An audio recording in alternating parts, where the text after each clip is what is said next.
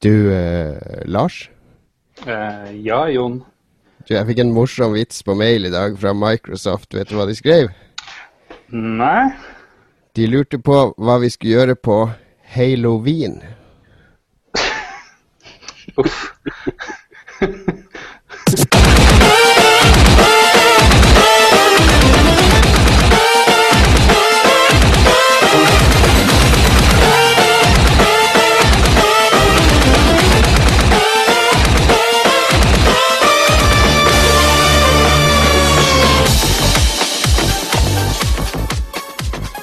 Det er selvsagt Lolbua Halloween, eller Halloween spesial. Jeg tror vi, vi Skal vi skrive opp Halloween på lista over ord som er forbudt, Lars? Uh, ja, kidsa og halloween forbudt. Kidsa og Halloween er foreløpig forbudt. Hvorfor Det er kidsa forbudt, egentlig? Nei, det er uh, Nå er det ingen som vet hvem du er, Thomas. Nå kom du inn veldig tidlig. Nå skulle vi introdusere deg. Nei, kidsa er uh, Det skal Lars forklare etterpå. Men vi har eh, så observante lyttere kanskje har fått med seg, så har vi en gjest i dag. Eh, han heter Thomas Heger. Han er eh, noen og 20 år. Han bor i Oslo, men er opprinnelig fra Nord-Norge, så da er det hel nordnorsk lolbue i år. Han gjorde seg markert allerede i 2009, da han erklærte zombie-fatigue i Dagbladet. Lenge før eh, alle andre ble lei av zombier i dataspill. Han eh, har eh, hovedfag eh, bachelor i eh, tegneserier, stemmer ikke det, Thomas? Um, jo, egentlig master i uh. Master, ja. Beklager. Master i litteratur med fokus på tegneserier, så vidt jeg Du er for gammel, Jon. Det fins ikke hovedfag lenger. Ja, det, det sier litt om alderen min. Og nå jobber du i Gyldendal, der du er involvert i uh, apputvikling og uh, tenker Ja. nytt. Ja, generell uh, digital uh, utgivelse i uh, forlagsbransjen. Ja. Sorry. Det blir hvordan, Jeg vet ikke hvordan jeg skal ordlegge det. Det er bare å ordlegge det. Jeg skjønte helt godt hva det var. Velkommen skal du i hvert fall være, Thomas. Jo, takk, takk. Veldig hyggelig å ha deg med.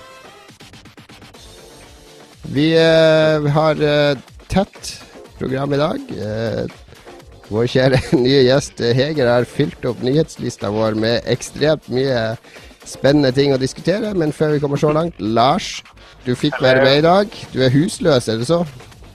Jeg er husløs og jeg var veldig spent på om nettet her hos eh, svigerfamilien holdt, men det gjør det, forhåpentligvis. Så det er rock on.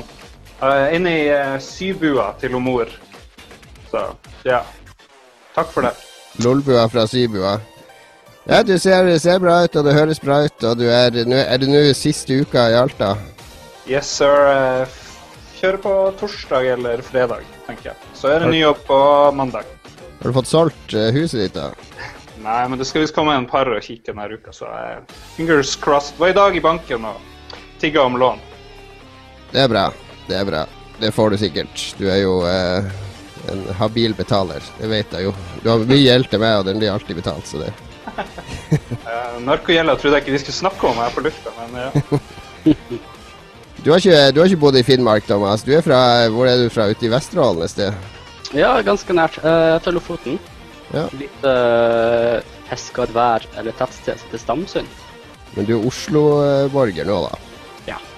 Siste, siste ni årene bor i Oslo. Stemte ja til OL og Uh, vet du hva jeg stemte? Eh, Skal vi gå inn på det, eller? Nei, nei, nei, jeg vil ha et svar! Jeg vil ha et svar. For Lars har ikke hatt stemmerett i denne saken, så for han er det jo veldig interessant hva vi har stemt. Jeg, eh, jeg eh, stemte blankt. Jeg tenkte at de som ville ha det, skal ikke være gledessjefer for, men jeg gidder ikke gi min stemme til det.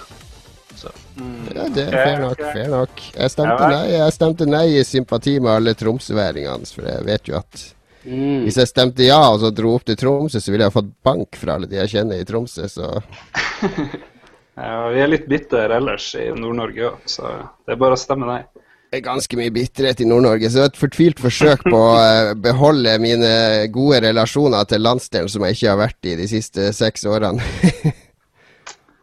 På tide å ta seg en tur. Nå når jeg får ny leilighet, så må du bare knalle på. Da skal vi ha en uh, innspilling der vi begge sitter i samme studio. Det kan jo bli interessant. Du må vise, Vil du ikke vise barna dine hvor du kommer fra? Jo, jeg viste en av de, så han, han kan jo fortelle til de andre to. Nei da, de skal, de skal nok få sjansen til å se det. Vi skal nok ta en tur. Vi er i gang med programmet på ordentlig.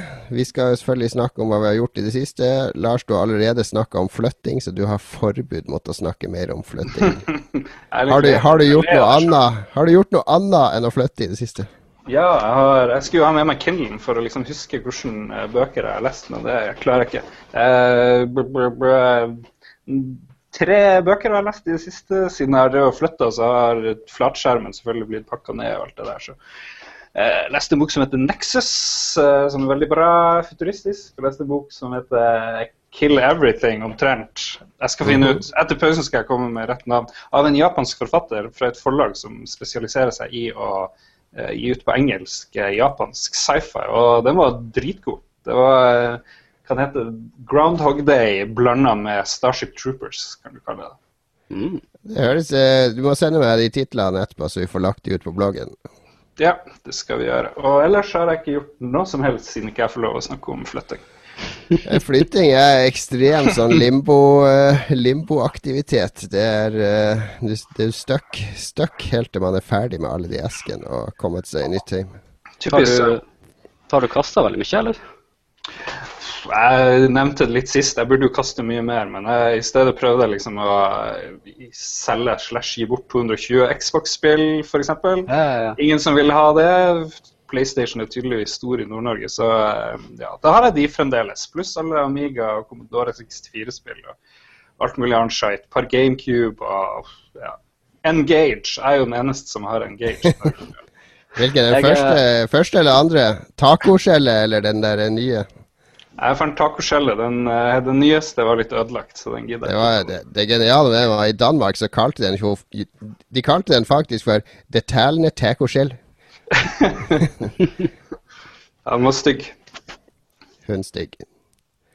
Du da, Thomas. Du er ikke noe uh, Du er ikke noe Du leser ikke bøker og sånn, du som jobber i Gyllendal?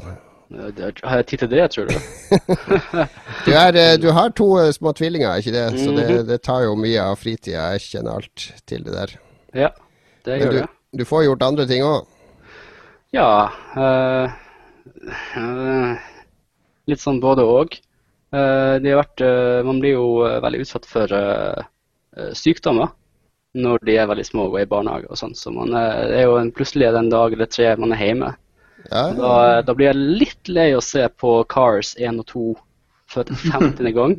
uh, og litt mer sympatisk og Astrid Lindgren og veldig mye Emil og, og, og Pippi Langstrømpe og sånt. Men uh, vi har liksom prøvd oss fram med andre Pixar-filmer, andre Hayao Miyazaki og sånne oh. type ting. Min nabo Totoro, har du kjørt den? Ja, den er litt for Må være litt mer action. Ah, Så vi kjørte Shihiro Heksene, og den, eh, den satt de og så på hele gjennom. Og da var det, det litt skummelt iblant, men eh, det, de likte det, altså. Jeg tror Totoro relaterer det til når de blir litt eldre, fordi de er litt for unge til å relatere til de barna. Fordi de er ja. mindre enn de barna, mens Chihiro er mye mer sånn visuell eh, fantasi og sånn. Ikke sant? Men uh, har du ikke Vi skal ikke ha for mye sånne pappatips her, men du, hvis du har Netflix, så er det briljant mye ting for bitte små barn der. Ja, ja, ja. Uh, det er så jævlig mye skit også. Men jo, jo. Uh, sånn, uh, ba Bakgårdsgjengen er et solid tips her. Det er synging, og det er faktisk bra musikk, og det er bra manus, og det er uh, 60 episoder, så der har du nok å ta. Men du må, du må jo sette ned og se lam med dem. Du kan ikke liksom bare sette på noe dritt og bare gå unna. Nei, jeg sitter jo lam med dem, men jeg gjør jo uh, rydder og vasker litt sånn mens de ser ja, ja, ja. Men uh, det der uh, kommer med årene. Og min uh, fireåring nå, vi så Star Wars da han var tre, og det slukte han. Da så vi alle filmene fire-fem ganger hver. Mm. Det var veldig, veldig deilig overgang fra Biler 2 til den. Ja, ja. Jeg har hørt, uh, hørt en god del positivt om Planes fra sjefen min, som var sånn med sin sønn. men at det var en veldig skummel sekvens inne i filmen med noen noe jetjagere og sånn. Så han ja, var ikke kino. Nå er det nok eh, barneprat her, folkens. okay. Det er greit, det er greit. Jeg har, jeg har, faktisk vært og sett Planes denne uka, så jeg kan godt, uh, kan godt droppe å snakke om det. For jeg fikk bare sett halve fordi han ene gutten skulle inn og ut hele tida. Men uh, okay. jeg har gjort mye mer enn det sist uke. Jeg har f.eks. Sjekk lista. lest en veldig spennende bok, som jeg i motsetning til Lars husker navnet på. Den heter nemlig Sensible, Juks. den heter Sensible Software 1986 til 1998, hvis jeg husker rett. Det er en biografi om, eh, om spillutvikleren Sensible Software, da. Som starta på Commodore 64 på 80-tallet, og uh, slutta når de prøvde å gå fra Amiga til PC på 90-tallet, noe som ikke gikk så veldig bra. Uh, den er jo egentlig Altså, den er skrevet av Gary Penn, som var eh, redaktør i ZEP64, som jo var mitt favorittblad på den tida. Men han uh, jobba jo òg i DMA Design etter det. Han var med på første GTA. Det er han som har laga Denki Blocks på, på iPad, hvis dere kjenner det. Det er også på Gameboy, tror jeg. Og så lagde han et genialt quiz-spill på iPad og iPhone der eh, det, det er sånn Risk-spill der du skal erobre områder, så skal du duellere mot sånn datastyrt motstander og gjette ord fortere enn han. Det var helt Quarrel. briljant. Quarrel, ja. Det er Gary Mm. Penn som står bak. Kult. Det, Det er fett spill. Ja, det, det er kjempekult spill. Men det, det er han som har skrevet den boka, og han kjente jo de karene når de var unge, sånn at det er eh, Det er veldig internt, eh, intimt og internt, eh, og masse navn som du bør kjenne fra den tidsepoken. Men samtidig så er det veldig Den, den overgangen fra eh, Amiga til PC, eller fra Super Nintendo til eh, PlayStation, det var en ekstremt brutal overgang, og utrolig mange utviklere som bare gikk under med en gang de måtte gå fra 2D til 3D, fordi de var kjempeflinke, de små teamene på to-tre mann og lage 2D-spill, og så måtte de utvide til 15 mann for å lage 3D-spill, og så bare var det kroken på døra. Så det er en veldig sånn artig fase å lese om hvordan de her folka gikk fra å være superkreative og de hylla som de kuleste Amiga-utviklerne og de beste i sitt fag, til å bare drite seg totalt ut. Ja, hva er dialog? Det siste var Denki Nei, det er Quarrel-greia. Det burde jo vært eh, glimrende muligheter for dem å Ja, det, det, er jo, det var Gary Penn som lagde det, det var ikke Sensible Software. Det siste de lagde, var jo Sensible Soccer i 3D, liksom, som jo var helt fadese i forhold til 2D-versjonen. Men de er spredd helt for alle vinder og kantene, da, sikkert. Ja, det er bare to-fire, da. Det er jo John Hare som var designer, og så er det han Chris Yates som var programmerer. Men han Yates nekta jo å være med i den boka av en eller annen grunn, så det er et eller annet sånn ondt blod som lå under alt jeg leste, og, uten at de helt uh, torde å berøre det ordentlig. Men eh, absolutt, absolutt anbefalt bok. Eh, veldig mange fine sitater der, og han eh, De var jo to, to hasjrøykende tenåringer som rusa seg og lagde musikk, og så fikk de ikke bandet til å ta av, så da bestemte de seg for å lage dataspill i stedet. Så det er et veldig fint utgangspunkt for å bli spilldesigner, spør du meg.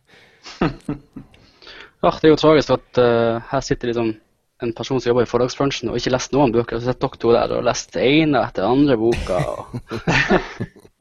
Du er digitalredaktør. Det er jo Ja, ja. Det, det er vel meninga at du skal se på morsomme YouTube-videoer, er det ikke Ja, det? det, er- det er helt uh, det er research. 5% av jobbtida mi. Påbudt. Men uh, ja, nei. Er vi klar for å begynne på den gedigne nyhetslista til uh, Thomas? Ja. Um, du kan jo velge en nyhet som du syns er interessant, du. Jeg skal velge en nyhet. Vi Hvor er nyhetsjingelen? Det har skjedd noe i studio. Eh, Det har skjedd noe i studio. Nyhetsjingelen er borte, selvfølgelig. Jeg har oppgradert eh, Jeg kan lage en nyhetsjingle. Lag en nyhetsjingle, du, så skal jeg finne bakgrunnsmusikken. Er ikke det nyhetsjingle? Nei. Det er mer sånn angrep, er det det? Den duger. Her er i hvert fall bakgrunnsmusikken til nyhetene. Jeg oppdaterte iPaden i sted, så jeg tror jeg må relinke alle lydeffektene. Det er det som er feil. Vi begynner. Thomas, skal du ta Du kan få lov å ta nyhetskontroll denne gangen, siden det er du som har skrevet så å si alle nyhetene. Hva, hva vil du snakke om først? Um, det kom akkurat ut uh, nye detaljer om uh, andre sesong av Walking Dead. Ja, det har, sin uh, det har sikkert ikke jeg eller Jon fått med oss, så du må bare informere. ja, det, er ikke så, det er ikke så mye mer Det er en fin liten trailer som treffer meg rett i hjerterota. Clementine Jeg vet ikke om det går et år eller noen måneder, eller sånt. hun ser litt eldre ut. Um, er på flukt alene fra alle zombiene. Uh, og litt sånn uh, sørgmodig musikk og diverse ting og tang. Så er det ikke noen flere detaljer enn at det kommer Det slippes nå i år, visstnok. og fullføres, sesongen fullføres neste år. Um, du kan få en spesiell på Steam hvis du vil. Du likte, du likte, det forrige godt, Thomas? Jeg likte det forrige veldig godt. Jeg, jeg eh, har jo leflet med Telltale før, og var ikke helt imponert. Og så var det så mye snakkes om uh, er en sucker for Sightguys, det var så mye snakkes om Walking Dead. Så jeg spilte første episoden og tenkte her slags tull. Uh, så, men så kom jeg til Jeg hadde jo betalt for hele sesongen, så jeg kom tilbake og spilte um, ja, ja. Sesong to Nei, jeg mener episode to og episode tre. Ja. Og det tok det helt av, altså. Det var et eller annet som bare klikka. Og uh, jeg syns Jeg har lest kanskje 80 nummer av tegneserien, så jeg, mm. jeg, kjenner den veldig godt. Og jeg kjenner veldig den, den, um, den stemningen derfra. Uh, jeg stoppa å lese den av, av forskjellige årsaker, men, men den, den, det var noe ved begynnelsen. Det var noe liksom med tegneserien som appellerte. Uh, det handler ikke om liksom zombiene handler om menneskene. Uh, jeg var gedigent skuffa av TV-serien, som hadde en kjempebra pilot, og så ble det rakna det helt. Uh, men når spillet kom, så liksom følte jeg etter hvert at det, det, det fanger følelsen av tegneserien langt bedre enn en, enn de andre multimedia, multimediale, transmediale tingene rundt uh, tegneserien. Jo, jeg er enig i det. enig i det. Jeg har, ikke, jeg har faktisk ikke spilt det ferdig. Jeg er på den siste, siste kapitlet nå, da, fordi mm. det ble liggende fordi det kom så mye annet en stund. Men mm. det var lett å plukke opp igjen. Jeg spilte det faktisk litt på søndag, så ja.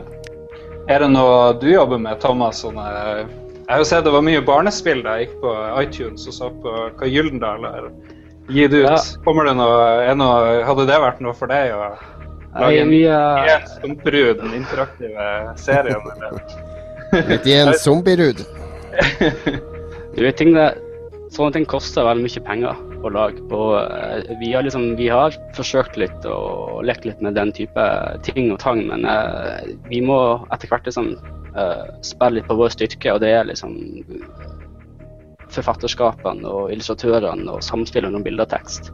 Ja. Uh, og det er liksom eh, Jeg tror det vår største oppgave å finne på en måte et grensesnitt uh, som, som uh, funker fint og som flyter fint og sånt da, når man leser, og som ikke tiltrekker for mye oppmerksomhet mot seg sjøl. Sånn at man ikke lager masse gimmicker rundt da, det originale verket. Så du, har du prøvd det her Device 6 som vi snakka litt om i forrige? Ja. Det har jeg kommet meg gjennom. Ja, OK. Det, er, det, men det, er, det, er, det, et litteraturspill? Jeg har ikke, ikke gjort ferdig siste Vi hadde jo en forfatter med sist, og han mente jo at uh, han var jo ikke veldig begeistra for å, om han skulle begynne å lage historier i et sånt format, da, men han syntes det fungerte bedre som spill. Det er veldig litt nært, da. Steve 6. Uh, mm. Jeg syns at uh, det er jo en del produksjons omstendigheter rundt det som ikke gjør at den er kjempelett å oversette. Men jeg har også etter uh, Year Walk, når de ga ut det tidlig i år, så sendte jeg liksom en sånn liten sånn twittermelding om de kunne interessert i å oversette til norsk. Uh, mm. men, uh, men får ikke noe svar. Jeg tror at det, det er så vanskelig. Sånn AppStore uh, Selv om vi oversatte den norsk, så ville fortsatt den selge mer enn engelsk. Altså, det er en sånn type ting. Som, uh, men det, er absolutt, det, det er kult, da litterære apper. Eh, litterære, altså kombinere da bilde, tekst, uh, lyd, musikk, video.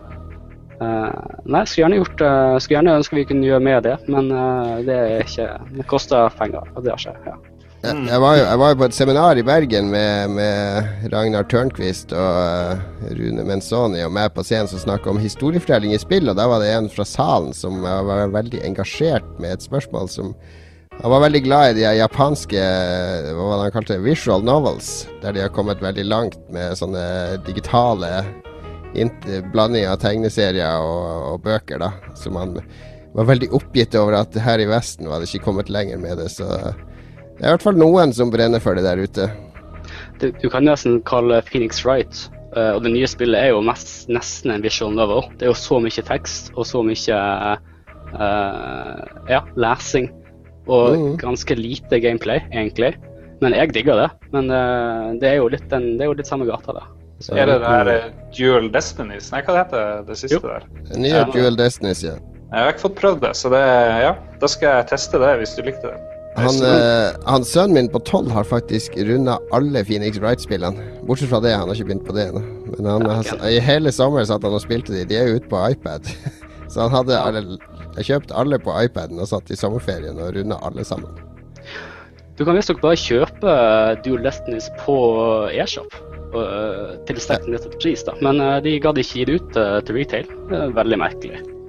Når de har lyst til å gi ut eh, Lost Planet 3, hvorfor i all verden kan ikke Capcom bruke penger på å gi ut en langt, populær, langt mer populær serie? Men eh, Jeg tror de tenker sånn at uh, det er vel kun de som har kjøpt de andre, som kommer til å kjøpe den. Jeg tror ikke de får så mye nye kjøp på den, så da kan de like godt gi den ut digitalt. Sikkert. Skal vi ta en uh, annen nyhet? Uh, du, har noe, du har en med masse tall og grafikkort her. Jeg vet ikke hvor mye Lars og jeg har å bidra med den. Det, det, jeg kan lese det opp med. Det handler om AMD og Nvidia som har begynt en slags eh, grafikkortkrig, som, sånn som jeg har skjønt det. ja, den har vel alltid vært der. Men eh, du, tidligere i år, eller på, på, eh, eh, slutten av fjoråret, så var det sånn så var det en sånn AMD spilt over sidelinja. Mm. Uh, de konsentrerte seg no om noe annet. Og så det, kom det jo frem at noe annet var jo, uh, var jo alle disse spesialløsningene til Xbox uh, og PlayStation. Mm. Eh, og da, da liksom var liksom Nvidia seilte høyt, og de hadde lansert det Titan-kortet sitt, som var liksom Det er jo en, den største e-penisen man kan ha, da. Mm. Uh, og nå har AMD snudd på femøringen og kommet med et kort som visstnok slår Titan i støvlene. Ikke støvlene, men sånn, det er snakk om 6% eller sånt, men det, det, det er støvlene i, i grafikkortverdenen, da. Og prisen er, prisen er halvert. Eh, så da, da er det sånn Nvidia på en måte, da blir det utfordra igjen. Da må de sette ned prisen på sine populære kort og lansere nye grafikkort uh, til en billigere pris. Og det, alle tjener på konkurransen. Ja, ja, det er forbru forbrukere må jo bare gni seg i hendene. Det er jo Ja, ja. det mest briljante som kan skje. Da går det jo to år, så er jo ny PC med fett grafikkort eh, som slår PS4 billigere enn PS4, antagelig. Hvis krigen fortsetter. Ja, nei, det, du følger vel like lite med der som meg, Jon. Men jeg, jeg fikk nå med meg at uh, AMD kom med noe som het Mantle, en sånn her uh, løsning som gjør det enklere å få mer ut av de her kortene deres. Så kom uh, Nvidia med noe De sa vel de skulle klare å gjøre det samme. Men så kom jo Nvidia og slo veldig hardt tilbake med det her G-Sync. Som jeg ikke vet om du har hørt om, Thomas. Som er en sånn Jo. greie. Du må, inn, du må ha en, enten en skjerm som støtter det, eller så må du kjøpe en teknisk greie som mm. gjør et eller annet. Eh, kan, vet du hva det er? Jeg var litt nysgjerrig, men jeg har liksom ikke skjønt. G-Sync skulle liksom senke AMD, men jeg vet da faen hva uh, ja, hva V-Sync synkroniserer uh, oppdateringer av uh, skjermoppdateringer. Eh, altså f- store kort, da. Du, når du måtte ha, opplever og du spiller spill, og så måte er det sånn skjæring i skjermen som kalles screen tear. mm. Og det, det, man, det har man prøvd liksom å ordne på software-sida man har lansert en sånn knapp man kan trykke på, sånn at uh, skjermoppdateringa på grafikkortet snakker med, med skjermoppdateringa på skjermen. Så hvis man skal ha 60 bilder i sekundet, som er liksom det de fleste TV-skjermer og dataskjermer du klarer, så må man, liksom, må man skru på den greia. Men det har en dårlig effekt på uh, control input og lag. Så det man har gjort da, i stedet er at man har putta på en chip på selve skjermen, som da Mm. snakker med grafikkortet og synker grafikkortet. Å, mista vi Thomas her. Thomas, hvor er din lyd? Ja, ja, ja. Ja, ja, da var det Ja, tilbake. Det var uh... Det var sensuren som tok Det tror jeg. er bra. Det holdt men, på å eh, bli tech-bua, så jeg tror det var eh, Lolbua-guden som kom inn og Jeg tror det er veldig bra. Jeg, Men jeg tror, vi skjønte, jeg tror vi skjønte hva du mente. Men Ja, jeg vet ikke. Jeg håper jo at alle TV-er kommer med det her greiene etter hvert. Men ja, vi får, vi får se det, jeg må se det i effekt først, for det er liksom og det, et, for, for meg så har det ikke så veldig altså Jeg sitter og spiller på TV-en min, og jeg eh, sitter jo og spiller med 360-kontrolleren og sånt. Og jeg er ikke, er ikke så opptatt av sånn to millisekunder legg på, eh, på musa mi eller Battlefield eller hva det er for noe, men andre folk er jo det kjempeviktig. Ja. Så da Ja. Det blir bedre. Grafikkortene blir billigere. Det er konkurranse. Det er gode tider. Men før vi forlater før, før vi forlater tech-greia helt, så kanskje vi skal snakke husker forrige gang så nevnte vi så vidt de ryktene om at uh, eh, Xbox One uh, kjørte sånn 720P-oppløsning. Mens Det skjer men. ja, da- Tekbua! Er i gang. Thomas fikser headsetet sitt. Hei, men eh, jeg syns det er litt merkelig at her koster liksom Xboxen i Norge opp mot 1500 spenn mer enn en det PlayStation eh, 4 kommer til å koste. Uh, og likevel er liksom grafikken eller, eh, eller oppløsninga på en PlayStation, PlayStation 4 langt bedre. Hva, hva Det er- er Vi vet jo ikke det ennå, gjør vi det? Jo, det er det. Altså, nå er det jo bekrefta. Eurogamer har vært og spilt uh, Battlefield 4. De har tatt footage fra det. De har, de her Digital Foundry-guyene har vært og målt. Battlefield 4 er 720P på Xbox. Det er 900P på PlayStation 4.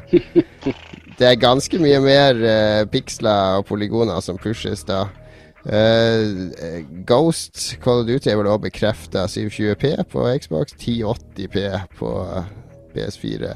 Og det eh, altså For meg så er det et eller annet som skurrer fordi det er ingen som vil prate om det. Det er sånn hemmelighetskremmeri. Det er et eller annet det tyder på at det er noe mye mer større og mer omfattende enn bare Ja, nei, de rakk ikke å optimalisere det, eller de, de er dårlige å programmere, eller et eller annet sånt tull. Det, det må være et eller annet som stikker mye dypere enn som så. Ellers hadde de vært ute og slukka flammene med en gang. Jeg vet ikke om dere valgfarter Neagaf. Ikke? Jeg tenker at det, det gjør dere kanskje ikke. Men det, der er ryktebørsen helt vill med at eh, OS-et til Xbox er helt, uh, helt kokkelig bunke. Og alle de tingene eh, Jo, vi snakka om Seaboat eh, i forrige sending, så eh, jo da, følg litt med det. Men eh, jo da, ryktene er jo der, men vi vet jo ikke noe før det ting er ute. De kan jo gjøre ting eh, før det dukker opp. Det er jo veldig lenge til Xbox kommer til Norge, f.eks. mm. Ja, men det er ikke lenge til den kommer ellers i verden. Og det er også det her med at de skal ha disse lukka review-eventene og sånn, der du ikke får pakke opp maskinen og starte den og bute den opp. og Førstegangsinstallasjon sjøl. Altså halvparten av VU-saka når den kom, det var jo den grusomme oppdateringa som tok to timer. Det overskygga jo nesten de andre sakene. Og det er når PlayStation og sånn inviterer til sånn lukka visning i New York for alle de amerikanske journalistene, så kommer jo til dekka bord, og alle maskinene er oppdatert, og alt funker som det skal. Mens den du får i eska, den uh, må du jo sitte sikkert et døgn, hvis jeg kjenner Sony sine servere rett, for å i det hele tatt få til å gjøre det den skal Ja, gjøre. ja. Jeg Men har de var bare jo- om det allerede. De var jo alle Jeg tenkte at de, de tok jo den eh, ordet fra munnen og var jo tidlig ute og sa at ja, det er en oppdatering. Bare vær forberedt på det. Mm. At, eh, sånn at vi vet det. liksom at den, Det kom ikke som et sjokk som det gjorde på VU. At man satt der en time og venta. Hva i helvete? Ja, Nei, ja, men det, det føles litt mindre føles som de kanskje skulle venta litt til. Vært litt mer forberedt. Jeg vet ikke. Jeg føler i hvert fall det. Jeg, jeg klarer ikke å kjenne det der eh, det momentumet som de andre lanseringene har hatt, der det kommer liksom en flodbølge av nye, spennende spill jeg må prøve, og nye grafikkmuligheter og kvantesprang forbi det jeg er vant til å se. Du, nu, jeg husker det jo helt feil. Det var jo ikke noe kvantesprang forrige generasjon. Det er jo bare å huske de der eh, første Call of Duty-ene, eller hva det var. Alle de spillene så jo dritt ut i starten på eh, 360, gjorde de ikke det? Gun. Nei, det var uh, Ghost Recon uh, Det var et par, uh, par som imponerte der. Men det var i hvert fall mange som var eksklusive. Det var det. Mye mer enn det nå. Apropos uh, Ghosts. Call of Duty Ghost. De har du uh, bytta ut uh, zombie-ekstramodus med, med aliens. Ja, det, der, der, har de brukt opp alle de tre trygge motstanderne i spill. Det er nazister, zombier og aliens. Alle de kan du skyte og drepe med god samvittighet. Jeg vet ikke hvem de skal ta neste gang. Ninjaer. kanskje. Ja, ninja-modus. Du må ikke gi de gode ideer nå. Du skal ha betalt for å gi Activision gode ideer. Men eh, nei, det er eh, Det føles jo litt uh, desperat, kanskje. Det gjør det, altså. Ok, skal vi se. Her er launch-titlene til Xbox 360. Hvor mange av de var klassikere?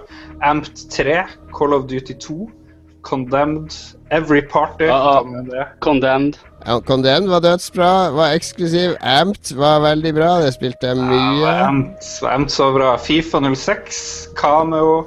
Cameo Ja, var Cameo, kult nok. Ja, Cameo er jo Hvis du spiller på nytt, jeg vet ikke. Perfect er Dark Zero, husker vi det kanskje? Ja, det var drit. Te Tetris Grandmaster Ace var vel bare launch i Japan, ok? Det er derfor ikke vi husker det. Men eh, jeg vet ikke. Det, Jo, det, det var mange Det er jo mange titler. Det var PS4 nå. Det har NAC og Killzone. Killzone. Det er to Killzone. titler. Det er kun Ja, to titler ja, som ikke fins på andre formater, ikke sant? Battle... Ja, ok. Ja, ja, jo. De har Battlefield som du kan spille på PC. De har Assassin's Creed som er bedre på PC. De har masse spill som er bedre på PC, eller helt OK på nåværende generasjon.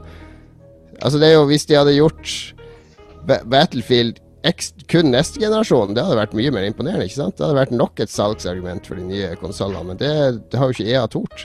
De tør jo ikke det. Til og med det der Titanfall kommer jo på Xbox 360 òg. De driver og holder tilbake potensialet i de spillene for å tilfredsstille den etablerte brukerbasen. Det er feil. Gå videre Ja. eller eh, stagner. mm, Da var eh, nyhetsmusikken eh, over. Har vi noe Skal vi ha noen flere nyheter? la oss ta det som et tegn, eller skal vi se hva det nå Ja, kanskje Har dere noen formening om iPads? iPad Air og iPad Mini? Ja, jeg skal Jeg var, jeg var og henta min nye iPhone 5S i går hos Apple, for jeg får jo Jeg driver jo og tester apper for FHM og en del andre, så det får jeg låne sånne maskiner i et år hos Apple. Så jeg, jeg skal ned og hente en sånn neste uke, faktisk. ja, det er eh, Jeg skrev under at jeg må levere den tilbake. Har du gitt tilbake nå? Har du gitt tilbake den du fikk i fjor?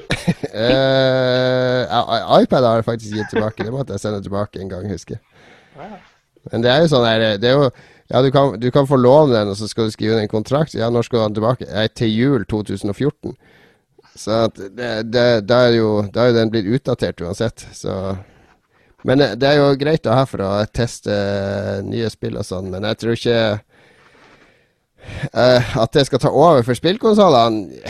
Ja til, altså, ikke sånn totalt, sånn som eh, Thomas har formulert det i sendeskjemaet. Det er ikke sånn enten-eller, men for mange på min alder, f.eks. i nabolaget mitt, det er det bare småbarnsfamilier, det er småbarnsforeldre på min alder, og alle de har nesten PlayStation 3. Ingen av de bruker den, og ingen av de har tenkt å kjøpe PlayStation 4. Mm. Fordi de, de, når de kjøpte PlayStation 3 for seks-syv år siden, så det var jo det som var de måtte ha for å spille bitte litt. Men det er ikke det de trenger nå. De spiller New Star Soccer nå, så får de fotballfikset sitt. Og de spiller managerspill på nettet, og de spiller De spiller fem minutter her og fem minutter der, og de får den fiksen sin fra iPaden sin. De har ikke behov for å kjøpe en PlayStation 4, fordi de har ikke lenger tida og tidsklemma, kjenner jo både jeg og, og Thomas godt til. Så eh, om det tar over, det gjør jeg ikke, men den er et, et alternativ for de som ikke er interessert nok. Hmm. Ja, men det var ikke noe spesiell endring med Det var ikke en, det ikke en Jeg føler liksom hele den der, det fenomenet på en måte eh, Det vokser ikke i like stor grad som det har gjort. da. Og når de liksom lanserer bare, bare da, ny, en, en tynnere iPad og en, eh, og en liten iPad med litt sånn bedre skjerm, så er det Hvor, hvor ble det av liksom den der klokka? Hvor blir det av liksom Apple TV-skjermen? Ja, nei, sånn- hva Apple gjør, det har jeg ikke peiling på. Det er ikke så, så farlig. Men det at de holder de der padene lik, det gjør det i hvert fall at ting fungerer sånn som det har gjort. Så at de får jo Mm. hele den der back-katalogen med, med mye morsomme ting å teste. Du aner ikke hvor glad jeg er for at de beholder samme oppløsning på skjermen. Herregud, sitter og jobber så jæklig mye med disse, disse illustrasjonene som skal liksom være i uh, den størrelsen 2048 ganger 1536. Det skal være. PNG og JPEG og PPI på det og det, og bare, en gang de begynner å endre på det, så er det bare sånn åh, må jeg gjøre alt på nytt igjen, eller bare ting ser helt shite ut. Så uh, det, det er jeg for så vidt fornøyd med det, men så, sånn er litt sånn ja ja, litt traust. Men det kuleste greia med den nye iPhone, det er noe jeg ikke har sett på noen reklamefilmer, det er jo at du kan ta opp film i sakte film. Sånn 60 frames i sekundet. Det er jo helt fant... Jeg tok, eh, holdt den foran fjeset, ikke sant, og så rista jeg så fort jeg klarte, sånn til siden, sånn at kinnene og alt sånt bare skvulper og klasker. Det blir sånn Rocky-effekt, akkurat som når Rocky blir slått i sakte film. Bare det er det morsomste jeg noen gang har gjort med mobil de siste fire årene. Det er nesten verdt å kjøpe 5S for alene. Okay. Sånn, det er, det er den pluggen jeg sa til Apple jeg skulle ta her i LOL. Ja, jeg, har, jeg har aldri vært på en Apple-event. Jon. Hvordan er det i Norge? Er det noe bus og eh, chicks? Eller Ja, det? første som skjer, du kommer inn, så får du en Segway. Og så skal vi rulle bort på en korridor parallelt med hverandre på Segway mens vi har sånn visualisering i Nei da. Nei, det kommer en svenske, og så går han gjennom et manus der han forklarer de nye funksjonene. Og så, skal du, så spør han noen spørsmål som han ikke kan svare på, for de svarer ikke på noe teknisk eller noe som har med produksjonsfilosofi eller noe annet De vet vel ingenting heller, da, sikkert. Nei, han, eh, ja, han svensken vet nok lite grann. Han er veldig hyggelig, han er for så vidt. Altså, det er bare det. Men de, det er sånn eh, Det er én til én, da. Det er sånn Apple-greia. Det er det mange som har prøvd å kopiere. Det er ikke sånn at du kommer ti journalister inn i rommet og sitter på stoler og får en presentasjon. Han svensken han sitter heller i Norge i tre dager, og så har han én og én journalist en halvtime hver. Og har akkurat den samme presentasjonen for hver, for det er jo sånn eh, fint PR-triks for å få deg til å føle deg eksklusiv og spesiell. Ja, men det er jo spennende med sånn behind the scenes-greier. Jeg ble invitert med denne uka, men jeg hadde jo ikke tid siden jeg skulle gjøre meg får lov å snakke om her på podkasten. Jeg snakka jo Jeg, snak, jeg og Andrea snakka om det. Snakka fælt om det, vet du. Så, Det gjør jo Nei, men det er Andreas er hyggelig. Shout-out til han. ja da, ja da. Apropos, eh, apropos bare Apple. eh, vi, hadde, vi fikk en en app uh, omtalt i, uh, i Dagbladet, og da skjøt jo, så skyter jo som vanligvis tallene veldig høyt opp. da. Uh -huh. uh, så jeg vil plutselig 300 ekstra salg på en app. Og uh, så tenker man automatisk at 300 det er ikke så veldig mye. Og det jeg tenkte det samme, og sånt, og, men vi kom på femteplass og er mest, mest solgte apper. da. Eh, og det, jeg tenkte det sier litt om ok, den topplista over mest solgte apper i Norge. Det er kanskje, telles ikke kanskje så mye som man tror.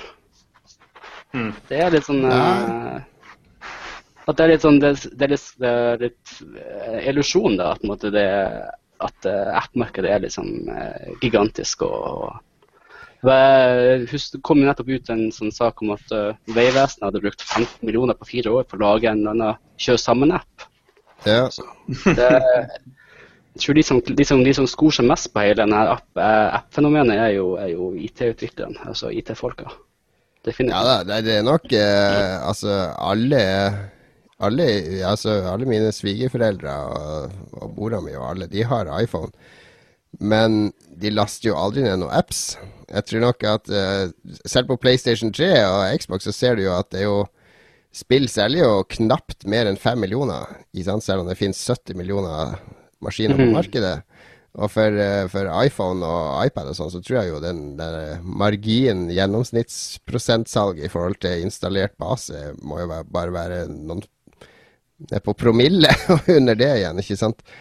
Det er jo eh, er mange som bare bruker den som et surfe- og mailbrett, eh, så det er nok litt hypa med hvor mye sånne apper selger. Men det er jo det er fordi at de er få appene som blir gigasuksesser. Enten så blir du en gigasuksess, eller så ligger du der nede i, i grøfta og selger eh, et fåtall. Mm. Men er det ikke sånn at det selges mye mye mer apps til, enn, eh, til iOS da, eller på iPad eller iPhone i forhold til Android? De tjener i hvert fall ifølge statistikken mye mye mer da på de her eh, iPhone-greiene. Hvor lite selger man da på en sånn her eh, Android? Det må jo være vanvittig få som gidder å kjøpe noe som helst Ja, på de der greiene. Det er vanskelig, det er vanskelig å få tak i data, men, men empiri enn vi sitter på, eh, tilsier at folk har eh, Det er mindre kjøpsvillighet på, på eh, Android enn det er på IOS. Mm. Uh, og en annen ting er at Android er veldig vanskelig å utvikle til. Det er så jævlig mange forskjellige skjermstørrelser og, og uh, oppløsninger og gud vet hva. Så det Nei, det er tricky. Tricky uh, Jeg vet ikke. Det, tror den, den ballongen går litt ut av eller lufta går litt av ballongen for, for app-salg i Norge. Også. Jeg tror man, noen, Det er kommet, kommet en del realitetssjekker på, på det. Jeg vet at uh, tre dudes uh, de skulle i hvert fall kanskje høre på livesendinga uh, vår. Så de sitter og lager app uh, mens de holder på å høre på det her. Da. Så Rune og Gunder og Espen, det er bare lykke til med, med, appen. Så hvis de selger mer enn 300, så kommer de på topp fem-lista. Ja, tydeligvis. mm. Vi får ha budrunde på hvem som skal få lov å lage Lolbua-appen. Den, eh, der er i hvert fall 300 salg eh, garantert, eh, Heger. Så det er bare for Gyldendal å ta kontakt så fort som mulig. Apropos uh, mye salg og sånt. Uh, uh, Kickstarter. Mm -huh. Kan jeg oppsummere ta siste nyheten på det? Som uh, Star Citizen. Det der greia til han uh, Gud, Wing Commander Keeson. Chris Roberts. Han, ja, ja. De, de har nå klart å kalle sammen 25 millioner i crowdfunding. Mm. Uh, jeg, lurer hva, jeg, lurer på hva, de folkene som har gitt han 25 millioner, tenker på. Jeg har gitt han 10 dollar, men jeg, det er kanskje nok av meg. Um, de, de, de, de, tilbyr jo hele tida på sånne nye fly og sånt du kan kjøpe til, til denne herligheten. Når du endelig får den da, i 2015 eller 2016, hva tid det kommer ut og sånt. Uh, og det kanskje hjelper på. For det, det som, det som er litt interessant, er at en av de der uh, en av de kickstarterne som er liksom Sightguys nå, er jo uh, Night in the Woods. Uh, til uh, han, han, som laga Aqua ja, Infinite Ammo. Mm -hmm. Har laga ja, litt forskjellige spill. veldig sånn, Alle de, alle de hipsterutviklerne jeg følger på Twitter i USA, snakker bare om det. Og de røker liksom opp de nådde liksom summen sin ganger to bare på åtte timer. Og så dropper de å ha stretch goals. Altså å ha liksom sånn nye mål å nå for å kunne liksom gi mm. en ekstra banan i spill eller, eller ekstra, ekstra uh, hatt eller sånt. da. Og da stagnerte det helt. Det kom mm. ikke et, uh, det kom selvfølgelig inn noen, det kom inn noen tusen dollar her og der, men det, det tempoet bare forsvant helt. da. Så det, er den, eh, det er jo den gamermentaliteten, de som er oppfostra på achievements og sånn, som spiller for å få den der uh, mm. belønninga på skjermen, ikke for å spille bare for mestringsfølelsen eller spillegleden alene. Så hvis du ikke har noe mm. mål å gå altså hvis du ser at spillet er allerede finansiert og det ikke er noe mer å hente, hvorfor skal du gi mer penger da, tror jeg de tenker. Uh, her uh, 2-folkene begynte jo med en kickstarter etter at de var i gang med innspillinga. Og det var jo Det gikk veldig, veldig dårlig, hele greia. Og det var jo Helt sikkert fordi ting var finansiert allerede. Og det var liksom ikke noe stretch goals i det. hele Det gjorde jo de der eh, pornopung-folka òg, kom jo med noe sånn derre eh, på Funder, eller hva det heter, den norske kickstarter-skia, så skulle de plutselig ha masse penger etter at filmen var ferdig. Der du kunne bli invitert på premierefesten og sånn, hvis du ga nok. Mm. Da, da, da, virker det ganske torchy. Men uh, jeg, ikke ja, ja jeg, altså jeg støtter en del ting på Kickstarter, men det er nesten bare sånne småting. Sånne små kortspill og brettspill og sånn som skal ha 30 000 dollar eller 50 000, eller ikke de der eh, galemannsprosjektene som liksom er så store og omfattende at jeg kanskje får spille det om tre år, hvis jeg fortsatt er i live. Så det, jeg syns det er et fint sted for små prosjekter. Det, det er liksom de som jeg tenner mest på der. Ja, jeg er enig. Det er liksom de som jeg føler fortjener pengene mine mest. For det, det, det, er de som står i fare for ikke å få gjennomført prosjektet hvis ikke de får penger. Men de andre er jo sånn ute og ser at vi er her for å bygge community. Vi er her for å få liksom fans, for å liksom lage, for å, for å måte, komme ut og uh, få ut budskapet. Det er derfor vi er på Kickstarter. Og det, vet hva, dritbra, altså. det er ikke noe tvil at vi har en nyhetshund her som gjest, for det her er den lengste ja, ja, ja. nyhetssekvensen og kanskje den beste vi har hatt eh, ever. Ja, det er veldig grundig og fin. Altså, det her, eh, Thomas er definitivt uh, gjest i fremtida når vi uh, skal få opp nyhetstempoet igjen. Men eh, vi, vi, vi, må nesten gå videre fra nyhetene nå, og vi har fått inn Det er på tide med spørsmål fra våre kjære lyttere. Og vi har fått inn to spørsmål i dag, Lars. Ja, skal vi se Skal jeg ta det første? Ja. Ja, Martin Herfjord sier hvem er deres favorittspillutvikler, person slash firma? Og hvem forventer dere mest av i tiden som kommer? Veldig, veldig bra spørsmål. Ja, det er et godt spørsmål. Uh, Tja skal, Thomas, du er gjest. Vil, vil, du svare først, eller har du forberedt noe svar? jeg har det, men det er såpass langt at jeg kanskje må, jeg må korte litt ned. Nei, jeg er veldig veldig glad i Team Shaper og Double Fine. Jeg syns de, uh, de er en sympatisk gjeng. Jeg syns at de gjør veldig mye uh, riktig og, og tør å satse på uh, nye, korte, spennende titler. Hele, uh -huh. alles, alle disse såkalte Amnesia Fortnite-spillene deres, som Costume Quest og, og, og mm. Stacking og sånn. Jeg er kjempeglad i dem. Uh, så, uh, men jeg syns at folk burde liksom følge litt mer med på uh, de Idle Femps-folka, de som har rønt podkasten. -huh. De er jo For det første inneholder det, det, det både Steve Gainer, som, som er liksom starta filmen Fulbright og hjernen bak Gone Home. Og så har du eh, Chris Remo, som er en veldig god, veldig god sånn, uh, musiker, som også jobber i Double Fine, riktignok. Og Steve Rodkin og Sean Veneman, som også står bak uh, Walking Dead-spillene. Uh -huh. uh, eller, eller i hvert fall hjernene bak historien i, i liksom, Walking Dead første sesongen. det er veldig bra podkast. Jeg hører på dem hver uke. Ja, det er kjempebra. De, de to, altså Steve Rodkin og Sean Veneman, starta et firma sammen med verdensstjernedesigneren Ollie Moss og uh, en, uh, en uh, keys fra Clay Entertainment, Nels Anderson, som var liksom hjernen bak Mark of Ninja. så det, det, det filmet som heter Campo Santo, det, vil, det, det, har jeg kjempestore forventninger til. Jeg tror at de kan få noe jævlig kult. Altså. Det var mye det Jeg tror det er du, Thomas, som har noe skraping på mikrofonen, så jeg tror du må se litt bedre nå. Bedre nå. Uh, ja, altså, du har nettopp lest den Sensible Software-boka. Altså, jeg er full av uh, tårevåt beundring for det de fikk til. Så akkurat nå så er de min favorittspillutvikler of all time. Fordi jeg føler jeg kjenner de såpass godt. Men uh, hvis vi skal snakke om nå og fremtida, så altså, den, den talen til Thomas oppsummerte vel egentlig veldig mye. Altså, det det som jeg syns er mest spennende som skjer nå fremover, det er faktisk alle de nye indie-studioene. Mm. Fordi det er de som overrasker meg. og Det er nesten hver eneste uke så kommer det et eller annet fra de som overrasker meg og gleder meg, og som jeg, som jeg blir glad av å spille. Det var 140 her for et par uker siden til han uh, Jeppe Nilsen, er det fra, fra Danmark. Det Eldritch, som ja, ikke var så kult, men det, det, det er forfriskende. Nye tanker og, og opplevelser. Så sånn generelt nå så, så, følger jeg ikke Jeg følger ikke med på noen av de store sånn veldig tett. Jeg, jeg bare sitter og blir overraska hver eneste dag over hva alle de små får til. Mm.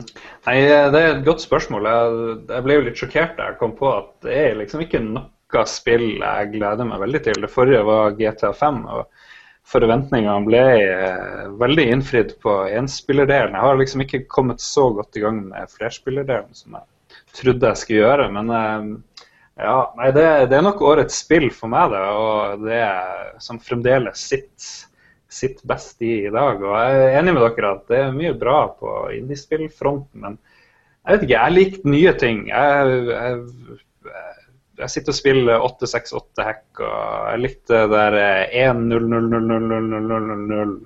Jeg liker å bli overraska av de her små mm. greiene. Så om det er en spesiell fyr, jeg vet ikke. Hvis det her er um, han er Shadow of the Colossus-duden for ræva ja. gir og klarer å få ferdig The Last Guardian, så blir jeg jo veldig glad, men uh, Han er jeg vet Jeg har møtt ham faktisk. Han er veldig, ja, jeg møtte han i Japan for noen år siden. Veldig uh, stille, lavmælt fyr. Og han var så sint. Altså, du vet, Japanere er veldig vanskelig å se når de er sint, når de er i offentligheten. for liksom, de er glad, Men du, det var akkurat da han skulle liksom ha en pressekonferanse der han skulle snakke om at uh, nå kommer endelig Shadow of Colossus og Ico på mm. PlayStation 3 HD-versjonen. De har brukt så mye tid på det. Så klarte mm. en dust i Sony å lekke nyheten før pressekonferansen. Så han satt der hele tida og var kjemperei seg. Og, det var liksom veldig sånn, og så viste de fram noe fra The Last Guardian, men da var det jo klart allerede da, i 2010, han sa at ok, vi har laga teknologien, men det er ikke noe story her. Altså Det, det er det å bruke tida nå på og, og, de har jo ikke kommet noe lenger. Han har jo slutta. Får se hva som skjer, da. Men Mm. han er var jeg fin, fin ja. fyr. Jeg vet ikke hvor mye han har slutta. Han er vel involvert men uh, gud vet. Og uh, mine største helter vil uten tvil være de som lager en remake av X-Pilot, eh, som var en stor hit i uh, begrensa miljøer på Unix-plattformer på 90-tallet. Det, det er vel noe av det spillet jeg har blitt mest oppslukt i ever. Norsk, Norsk, egen- produsert, til og med. Det fortjener en egen episode, spør du meg. Vi skal ha en egen X-pilot spesial en eller annen gang, og da skal Tore være gjest. Vår, Ja. eh, vår mytologiske lytter Tore, som vi eh, presser hver uke for å få med, men som takker nei. Men en eller annen gang så må fasaden briste, og da er Tore gjest. Jeg hørte at han skal være med neste uke, så vi får se. Ja, vi satser på det. Eh, det er på tide å væte ganene litt og ta en liten pustepause. Thomas har fått lov å velge pausemusikk, snille som vi er. Du har valgt uh, Laura sin sang fra, fra Silent Hill 2. Er det i forbindelse med halloween du gikk for den? Ja, det er jeg, ja. Følte at det var passende. Det er i hvert fall et kjempegodt valg. Vi eh, spiller litt musikk, og så er vi tilbake om tre minutter ca. Tre minutter. Og gutta, ta og mute mikrofonene på den knappen før dere går. Der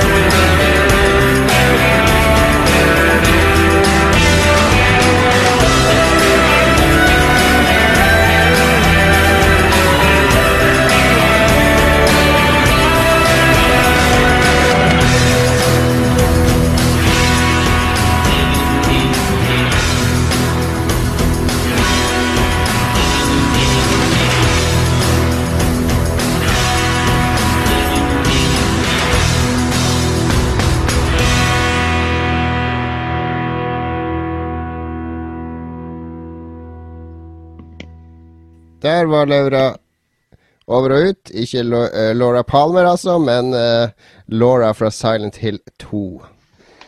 Klassiker. Jeg ser at vi kutta til, eh, til pausen litt vel tidlig, kanskje, for vi hadde ett leserspørsmål til, Lars. Jo, men det var på tide med en pause. Jeg måtte veldig på do der, så vi kan ta det siste spørsmålet nå. Gjør det. Det kommer fra Erlend. Hadde han bare et Twitter-navn Erlend? Eh, ja, eller han hadde Jeg kan sjekke det opp. Hvem er den Erlend? Jeg kan i hvert fall stille spørsmålet. Har PS4 mista walkover-seieren over Xbox One nå som de store launch-titlene er utsatt? Utsettelsen av Xbox One er vel ikke like kritisk. Han tenker vel da på at den kommer til neste år. Ja, ja, i hvert fall. Altså, den kommer jo i store deler av verden om bare to-tre uker til, faktisk. Uh, jeg tror ikke Det er ingenting av det her som blir avgjort nå på to-tre år. Det er uh, mer langsiktig kamp enn som så. Altså, den, den, effekten av at den blir utsatt her, tror jeg er minimal. Jeg tror uh, det er mye mer bekymringsverdig det vi snakka om før. Altså det her med at det tydeligvis er noe veldig rart med, med, Xbox som gjør at den ikke takler Ikke klarer å prestere likt som, som PlayStation 4 osv. Og, så og det, den sammenligningssaken til Digital Foundry den påpeker jo mange områder PS4-grafikken er bedre enn Xbox-grafikken. så men uh, Digital Foundry det er jo hele tida å fortelle om hvor uh, det er ikke så viktig, fordi Xbox har bedre balance. Den er mer balansert. Så det er jo veldig mange som mener at Eurogamer er sånn aktiv part i PR-krigen for Microsoft. Jeg vet ikke, jeg tror det er litt bullshit, men eh, ja, ja. Jeg, tror det, jeg, jeg tror det er bullshit.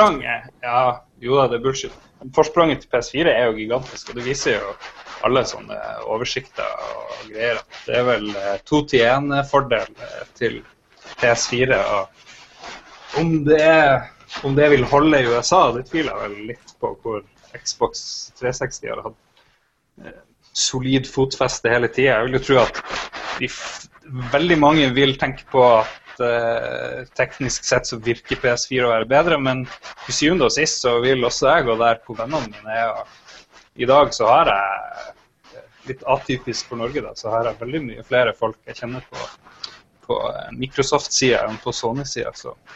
Det kan godt hende jeg bruker mye av tida mi der, selv om kanskje ting er 900P eller whatever. 720P i stedet for 1080P. Jeg tror, ikke, jeg tror også man skal passe nå for ikke undervurdere Nintendo for mye. De har virkelig fått opp uh, dampen og uh, uh, for mye god blest både blant uh, fotbrukere og kritikere. Og det var nylig en sak både i Edge og Eurogamer at kanskje Nintendo Wii U var den kontrollen man skulle uh, satse på til jul. Nei, nei, altså, jeg ser ikke, men kan, jeg ser ikke at jeg, jeg ser ikke at de har noen jævla sjanse til å hente igjen. Men jeg, jeg likte GameCube veldig, veldig godt. Kanskje mener, mener jeg likte Wien, fordi det var, det, var, såpass uh, det var, det var sånn noen GameCube-spill man bare måtte ha. da, og jeg føler at nå etter hvert så, så, er det sånn at okay, det er noen de som man, som man kan spille på Wii U. Uh, Zombie U er et spill jeg ikke veldig vært foruten. Pikmin 3. Uh, det nyeste Super Mario, uh, Super Mario 3D World ser helt fantastisk ut. Uh, Windwaker fikk masse god kritikk. Um, nei, pluss det de nye gjør med 3DS-en og sånt. og Det, liksom, det kommer et kremspill på 3DS-en hver uke nå. Animal Crossing og Fire Emblem, liksom, de snakker sånn uh, på forholdet. Så jeg tror liksom at man uh, Det er ikke så dumt det du sier, altså, fordi greia er som, som, jeg tror skjer, og Lars, er den mikrofonen din skraper mot uh, kle, et, et, eller annet klesplagg, så du må fikse litt på den. det som kan skje, er jo at folk blir undervelda av PS4 og Xbox One at det, det, begynner å mangle kule titler på dem. Det, det, blir ikke dette steget som mange har trodd. Og da begynner de å se seg om ja, hva skal jeg da kjøpe til familien og ungene mine. Og da, da er plutselig VU et alternativ. Sånn at uh, nytter ikke å avskrive Nintendo allerede, sånn som mange gjør. Skal jeg si hva problemet er der, da? De som er i målgruppa for WiiU, er jo unger med foreldre som kjøper maskiner til dem. Og de vet jo ikke at det finnes en ny maskin der ute. Det, bevisstheten ja. rundt uh, Nintendo Wii U er jo lik null, i hvert fall sånn som jeg skjønner. Uh, Nå når jeg skulle slutte i min nye, min nåværende eller min tidligere jobb, så kommer jo folk og spør ja, har du noe spill du skal bli kvitt. og sånt, og da er det, De spør ikke etter Wii U-ting, de spør etter Wii-ting, uh, de som har det. da. Det det er Finnmark, det, Lars. Nei, det er ikke det. Det tror jeg hele Nei da, verden. Nei da jeg, jeg ser det. Nei, for de, de har jo nesten ikke solgt maskiner. De har solgt mye mindre enn de hadde forventa. Den maskinen har ikke fått det momentumet som de hadde håpa på. Men det ser det ikke ut til at verken PS4 eller Xbox One skal få heller. Jeg tror de maskinene trenger et par år på seg før det kommer til å se Du kommer ikke til å se noe som topper GTA 5 på de maskinene før om to-tre år. Altså sånn eh, teknisk og ambisiøs og kunstnerisk og den der åpne verden og den friheten. Når jeg spilte nå sånn som Batman og Assassin's Creed og sånn, det føles så utrolig amatørmessig når du har vært i den åpne verden til, til GTA 5. Fordi de- de, de fremstår som sånne dårlige lappetepper satt sammen av forskjellige deler av studioet, der alt bare er sydd sammen til et Frankenstein-monster av et spill. Så at uh, det er uh, Folk har blitt bortskjemt nå på tempen av GTA 5, og selv ikke de kuleste PS4 og Xbox One-spillene som er annonsert så langt, tror jeg klarer å toppe det spillet. Ja, spør du meg hvilken konsoll du skal kjøpe til jul. Eh, jeg, kanskje vil jeg, jeg prøvde, på Wii U i stad, men jeg tror nok at eh, det, kommer, det er bra mye fart i PlayStation 3 fortsatt. Altså. Du, Last of Us, og, og jeg tror at eh, Rockstar gjorde en kjempegedigen, eh, stor eh, eh, god vurdering når de tenkte at eh, hva, vi dropper next gen. Det er ikke viktig for oss. Det gjelder viktig for oss å selge der folk har faktisk maskiner og sånt. Selvfølgelig. Eh, så eh, GTA 5 er jo mer next gen enn alle next gen-spillene. så- Ja, ja, ja, men eh, hvis du skal kjøpe Hvis du skal hvis du, skal, hvis du liker bilspill, hvilken konsoll skal du kjøpe til jul? da? Jo, det er PS3, for der får du GT6. Du får ikke noe bilspill på PS4, for det er utsatt til neste år. Så nei, det er uh, for tidlig å f si hvem som kommer til å vinne der. Som var det opprinnelige spørsmålet som vi skulle svare på. ja, ja. Ja, men jeg vil eh, til jul i Norge så spår jeg at eh, PS4 vinner av Next Gen. Det er eh, jeg, skal, jeg skal ikke si noe på det. Jeg tror også elektronikkbransjen neste uke, når de skal kåre årets julegave av spillkonsoller, kommer til å kåre PS4 foran 2DS, faktisk. Yes. Hva har vi spilt i det siste, er vår neste faste spalte. Lars, du har, eh, du har rukket å spille noe, selv om du er flytte, på flyttefot. Ja, det, vi har jo iPad og iPhone og sånt, så da er det Hack 8, nei, 86 Attack.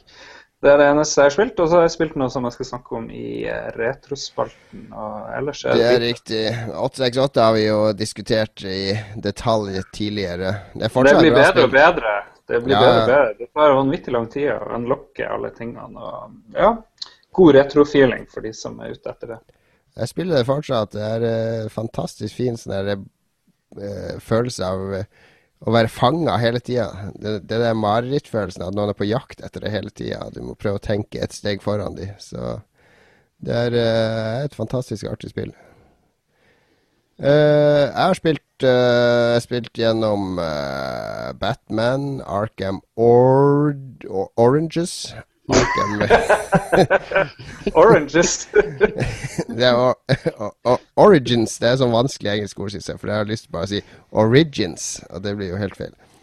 Nei, det er Mest brukte tittel noensinne. da. Det er Rayman Origins, det er bare Origins, everything.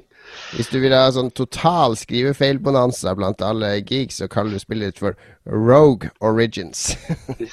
Da har du de to mest feilstava. Nei, eh, det er, det er, det er et artig actionspill, fordi det, det fungerer. Det har et fundament som er såpass bra og solid og fengende at det er gøy å spille det. Men det er samtidig så forglemmelig. Altså, det, de fiendene blir, blir kommer inn og blir kasta ut, uh, ene etter den andre, uten noe dramatikk, uten noe karakter, uten noe engasjement. Altså, jeg sliter skikkelig med å engasjere meg i det spillet. Oi, Så, nå skjer noe. Endelig skjer det noe bak deg. Jon. Ja, nå skjer Jeg det venta bak her. masse episoder. Nå er det Hallo, Synne! Du må hilse til Synne. Jeg, jeg hørte at det, det var så, god, det var så bra, bra manus i det nye Batman-spillet, sammenligna med de andre. Det er ganske Dialogen er ikke så ille, og den historien er faktisk litt kul, fordi at eh, du han liksom eh, er sånn veldig einstøing og påståelig og barsk i starten. Han, sammen, han, han kjemper jo mot politiet og like mye som skurker, ikke sant? Fordi det er jo eh, opprinnelseshistorien når, når ingen visste hvem han var, om han var slem eller snill. Og så går han fra ja, til å bli samarbeidet med Gordon og Altså, det, du, du skal jo legge fundamentet for videre historier i Batman-universet. Så det er ikke dårlig skrevet sånn sett, det er bare at det føles den spillverden føles separert fra historien, hvis du skjønner. Altså mange spill man spiller, så får du fortalt historien i mellomsekvenser og, og dialoger som er veldig separert fra spillet, eller den verden du opplever når du sjøl styrer. Og det føler jeg veldig her. Altså, du flyr rundt i denne byen og utforsker og sånn, men hver gang du skal gjøre noe oppdrag, så blir du tatt inn på en sånn lukka korridorer, og så går du gjennom en sånn kompleks av korridorer og rom, og så er du ferdig, og så skal du ut til den byen igjen. Så det er, det er et lappeteppe. Det er, det er, det er litt GTA 5-effekten òg, at du er blitt bortskjemt på hvordan man skal lage en åpen spillverden. Mm. Da regner jeg med et eh, ikke sinnssykt høyt ternekast når du skal skrive forhåpentligvis anmeldelse som jeg skal levere ut, for jeg har ikke rukket å spille noe av de store spillene denne uka. Ja, nei, men så, det er jo det er, det er et bra actionspill. Det er sånn her, sånn TV 2 eh, Hva heter de? God kveld Norge. Når de anmelder filmer og sånn, så anmelder de actionfilmer Så greit nok for de som liker sånt. Terningkast fire. Det er liksom i den greia der, fordi at det er ikke noe å ta spillet på. Det er litt bugs og litt glitcher her og der. Men det er ikke noe sånn uh, Det gjør ikke noen sånn grove feil så du kan virkelig rakke ned på det. Det er bare at det er Det er tidtrøyte underholdning. Uh, litt ambisjonsløst, kanskje. Så du at neste oppfølger blir, liksom, blir den imellom dette spillet og de to andre, eller blir den Eller hva du Vi tror får se om det blir en oppfølger, fordi ifølge de engelske salgstallene i hvert fall, så solgte vel den her halvparten av det Arkham City gjorde i lanseringsuka. Ja, wow. uh, det, de har jo ganske høye salgsmål jeg tror de skal nå for at den skal lønne seg. og sånn som det er den bransjen her, Går du ikke over de, så er det ikke noe mer spill. Eller da skal det mye til for at de fører det Men hvordan annen superhelt fortjener et veldig bra spill? Har det vært noen gang et veldig bra Supermann-spill?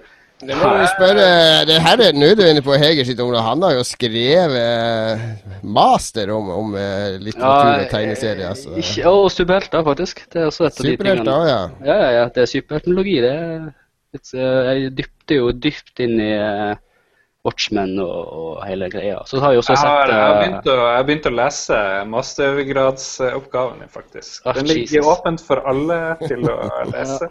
Hvor man også begynner med den der eh, klassiske takk eh, til masse folk. Jeg lurer på, Hvem, hvem velger man til som man skal takke i starten av en sånn her eh, hovedfagsmastergreie?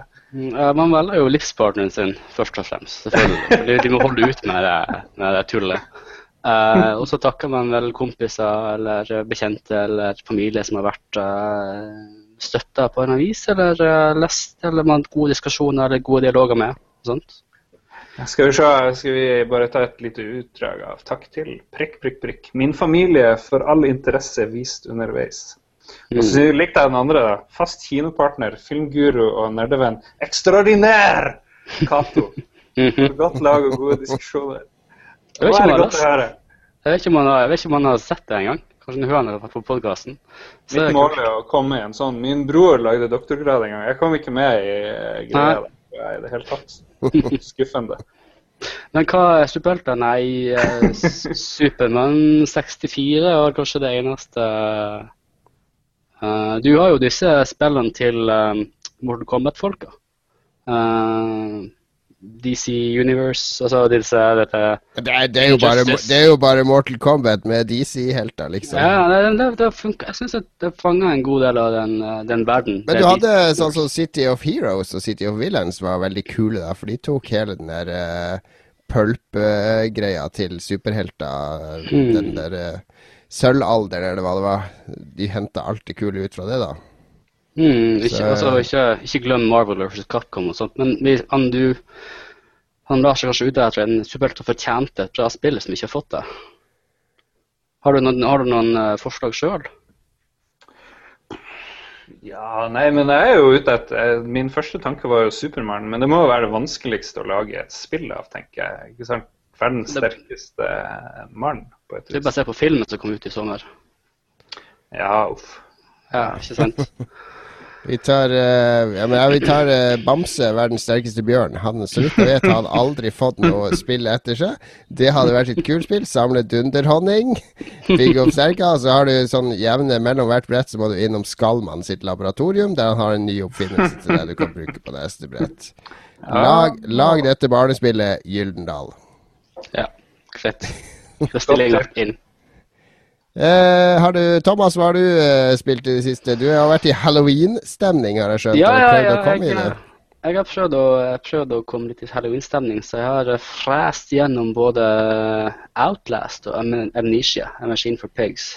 Og så har jeg prøvd å, eh, prøvd å eh, kalle meg gjennom en gammel save av uh, originale Amnesia, som jeg liksom jeg slutta å spille en gang, for jeg ble så jævlig redd. Men nå liksom jeg, du, sitter, du der du, sitter du der jeg ser deg på skjermen nå når du spiller de spillene? Nei, da sitter jeg alene i stua med lyset av og headsetet på. Hva, skjer når, eh, når dama di kommer bak deg da, og skremmer deg og sånn? Ja, nei, men hun ligger og sover. Det, hun ligger og sover, da. Det er greit. Det, det er verre når liksom, jeg hører liksom, noe knirker fra senga oppe til guttene eh, på barnerommet. Og bare sånn Å, hva er det for noe? Og sånt. Og så gjorde jeg den skikkelig store blunderen med å I går skulle jeg, liksom, jeg skulle fullføre uh, det siste Amnesia-spillet. da.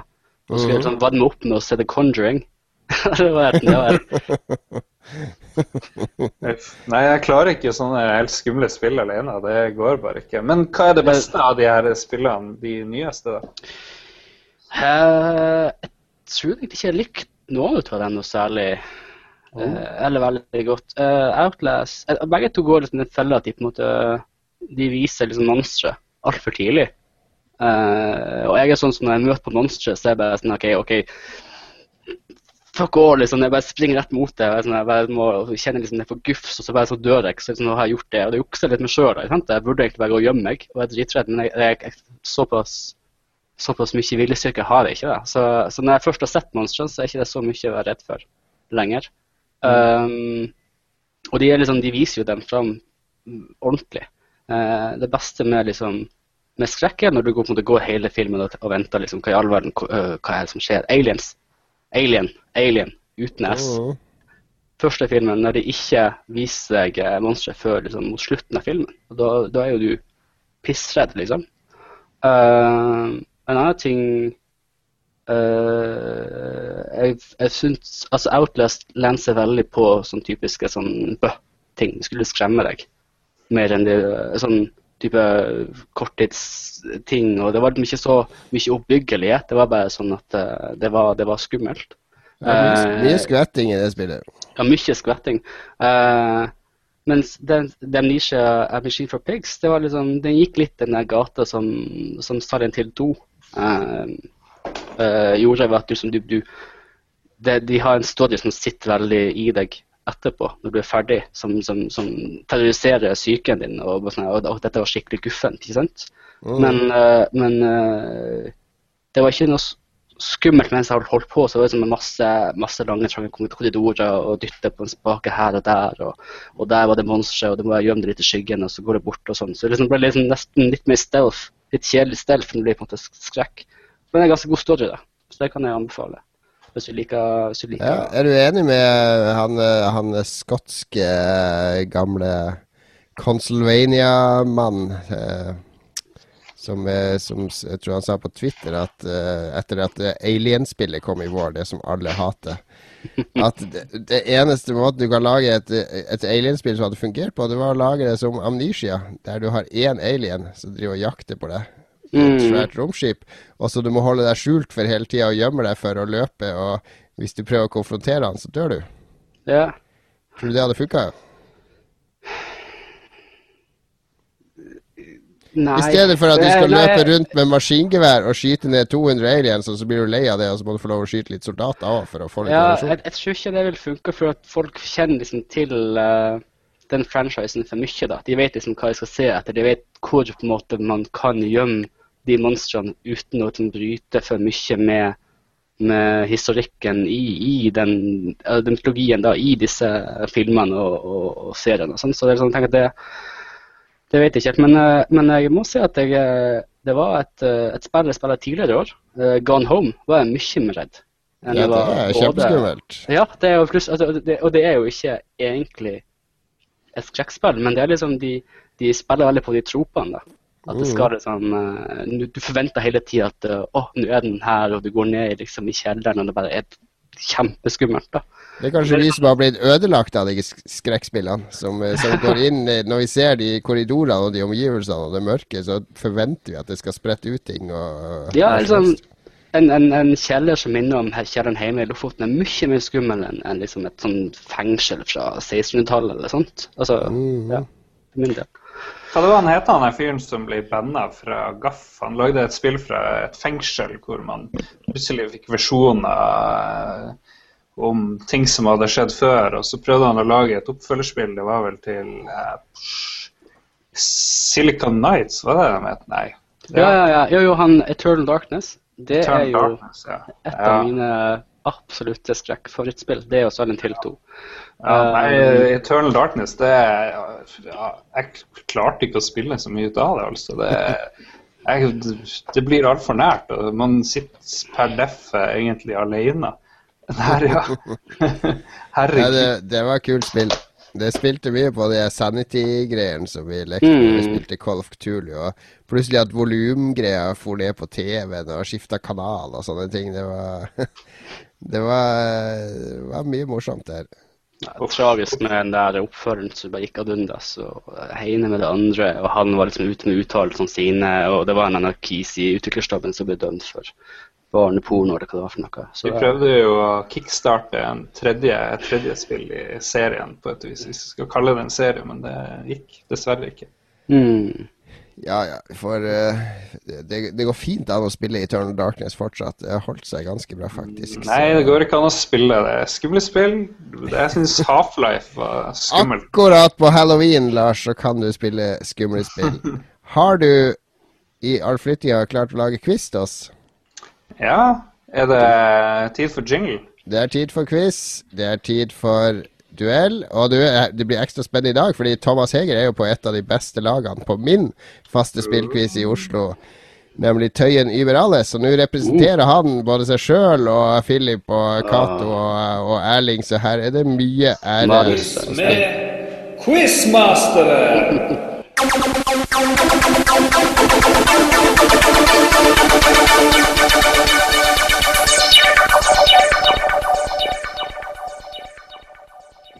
Ah. Skal vi se, hvor har vi gjort av eh, dokumentet vårt? La oss finne det. Openoffice.org. Der, ja. Skal vi se, quiz med quizmasteren. Og som vi alle vet, eh, Jon Cato Lorentzen har eh, hver gang dama hans eh, opplever en spesiell tilstand hver måned, så er det quiz, for da må han rømme huset i helgen. Og eh, hver uke når vi har gjest, så kjører vi duell. Skal, mitt mål er jo å få Jon til å tape. Eh, det er ikke noe hemmelighet. Så også i dag så har jeg prøvd å tilpasse litt eh, quizen til gjesten. Men siden du, det visste jeg ikke, Thomas, at du var på et av de beste lagene der. ja, jeg får lett det mest lengstlevende. Så. Ja, så da kan det her eh, Hvem vet hvor det skal gå? Vi skal gjennom fem spørsmål, Thomas. Eh, det blir sånn at eh, hver av dere går først til å svare på hvert spørsmål, og dere får noen sekunder til å tenke gjennom et svar. Og jeg kan prate litt bullshit etter jeg har stilt spørsmålet. Og så ber jeg om et svar, og så noterer jeg ned hvem som har fått rett. Og denne gangen har jeg to tiebreak-spørsmål, tilfelle eh, uavgjort. Men vi begynner med spørsmål nummer én, hvis utmanerne er redo. Ja, hvem skal svare først på den? Vi, eh, hva, vil du svare først på det første spørsmålet, Thomas? Eh, Gjesten får bestemme. Uh, ja. Ja, Ja. ja. Ok, Spørsmål nummer én. Hvilket norsk fjell kan du kjøre opp, i hvert fall ved siden av, i spillet Drive Club? Det kom en video på Facebook for noen dager siden. Mm, jeg husker ikke fjellet. Det er Eh, på de- ja, ja, over Dovrefjell en plass, er det ikke? Du skal, når jeg ber om svaret, så skal okay. du komme med svaret. Ja. Eh, det høres dårlig ut der. Jon har sikkert ikke noe bedre. Men nå har dere Eh. fått god nok. Har dere låst inn et svar, begge to? Ja. Ja. OK, da skal Thomas svare først. Du husker ikke. Er det ditt svar? Mm, Jeg tror det er Norges tiende høyeste fjell, muligens. Hvis jeg husker rett. Nei, det er på Vestlandet en plass. Det er mitt svar. Jeg vet ikke hvis jeg er nærmere enn Jon Cato, så Nei, jeg aner ikke. Jeg sier Galdhøpiggen. Galdhøpiggen er feil. Det heter Sentraltind. Det, de, svar, de sa ikke hvordan fjellet var, men de sa hvor høyt det var. Hvis man da går og leter på Wikipedia hvor høyt det var, hvis du regner om fra 7000 et eller annet fot til 2430 et eller annet meter, så får, finner du sentralt inn. OK, null poeng på begge. Skal vi se. Spørsmål nummer to. Det er slutt på samarbeidet mellom Tiger Woods og Electronic Arts. Det ble kjent denne uka. Hvor mange generasjoner av Tiger Woods PGA Tour er gitt ut? Jeg kan røpe så mye som at det første spillet kom på 90-tallet. Og da er det Jon Cato som må gjøre seg klar. Jeg gir deg noen sekunder til. Jeg er klar. Eh, han er klar, OK. Vi vet at han var råka for en skandale, så mange er jo overraska over at han ikke røyk ut eh, fra Electronic Arts for lenge siden, egentlig. Men det holdt nå helt eh, til i år. Eh, OK, da sier vi Thomas har fått nok betenkningstid. Da er det Jon som svarer først. Hvor mange utgaver eller generasjoner av uh, Tiger Woods uh, finnes det? Jeg sier eh, 15. Jon sier 15, Thomas sier 17. 17. det var veldig morsomt. Det burde vært, burde vært 69. Det blir null på begge. Morons, det var 16. Ah, Det første kom i 98, men heter Tiger Woods PGA 99. Så ja, null poeng til Greit, alle etter to runder. Runde tre. Ok, nå begynner vi å nærme oss eh, Thomas' territorium. Skal vi se. Neil Gaiman eh, lager spill med selskapet The Odd Gentleman. Men vi skal ikke spørre om noe spill her. Når kom den første Sandman-tegneserien ut? Er spørsmålet De fleste bør jo ha lest Sandman-tegneseriene, eller i hvert fall hørt om Neil Gaiman, som eh, har stått bak både bøker og tegneserier og muligens spill. Jeg vet ikke. Jeg tror ikke Sandman har blitt noe spill, egentlig, som jeg klarer å huske. Ah, jeg tror ikke det. Nei. Og da har vi gitt nok betenkningstid. Da er det, må dere låse inn svaret, og det er Thomas som skal svare først. Tegneserieeksperten som har mastergrad i uh. Watchmen, Watchmen og V for Vendetta. Hva sier du? kunne vært eh, Jeg tror jeg sier 1988. Thomas sier 1988. Hva sier Jon Cato? Jeg hadde tenkt på det i 88 jeg òg, men jeg kan si uh, vi må jo ha forskjellig, så det blir spennende. Jeg, jeg tar uh, 89, da. Da, da har jeg faktisk, før jeg gjorde ferdig denne quizen, bestemt at det var to årstall som er korrekt. Fordi uh, det første bladet kom ut i oktober 1988, men det var datert januar 1989. Så her blir det faktisk ett poeng på begge, og spenninga stiger i taket som en rakett. Ok, vi er på spørsmål nummer fire. Uh, lytterne trenger ikke være redd. Vi har masse tiebreakere. Vi slipper å høre på pausemusikk denne gangen. Ok, enda et spørsmål som kanskje Thomas er litt sånn favoritt på. Skal vi se. Du leder moralsk, da, siden du hadde egentlig rett, Thomas, på det første. Ja. Come on, come on. Come on. hvem, hvem skapte serien Fables, som spillserien The Wolf Among Us bygger på?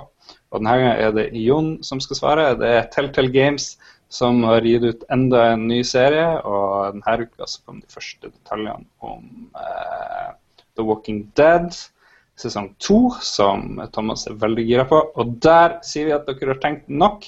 Jon, du skal svare først. Hvem er det som har skapt serien Fables? Nei, jeg husker ikke. Jeg tror jeg heter Tim et eller annet. Jeg husker ikke. Du er en moron. Hva sier Hva sier Thomas? Du er ikke en moron, Jon. Beklager, du er ikke en moron. Eh, Jeg lever med. Jeg jeg, jeg sier Mark Buckingham. Mark Buckingham. Da dere er like dårlige begge to. Kanskje Thomas er litt bedre. Bill Willingham. Ja, Ja. Veldig rart navn.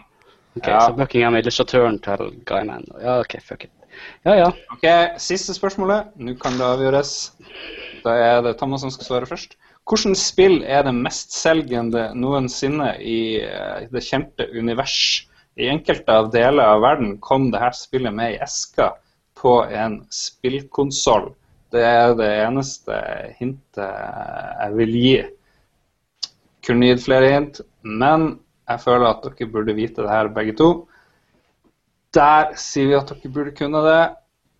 Thomas skal svare først, bare så du vet det. Jon vil garantert kunne det her, kanskje. Han har tatt av seg headphones, så det spørs om han vil OK, du har dobbel headphones. OK, Thomas, hva du sier Du sa det kom med en egen konsoll, liksom? Eller Nei, Det kom ikke med en egen konsoll, men det fulgte med. I enkelte deler av verden så fulgte det med i eska på en spillkonsoll. Det, det, det er det korrekte hintet. Jesus. Nei, jeg, jeg aner ikke. Pong. Pong. Pong veldig, veldig nært. Hva du sa det var et spill fra et enkeltunivers? Nei, jeg sa det var det mestselgende spillet i våres univers. Så. Det kan hende noen har solgt mer i andre parallelle Ja, eller ok. Ja, men da sier jeg jo We Sports. Har du noe jingle eh, du kan kjøre på her, Jon? For det Nei. var nemlig helt korrekt. Åh, det var bra.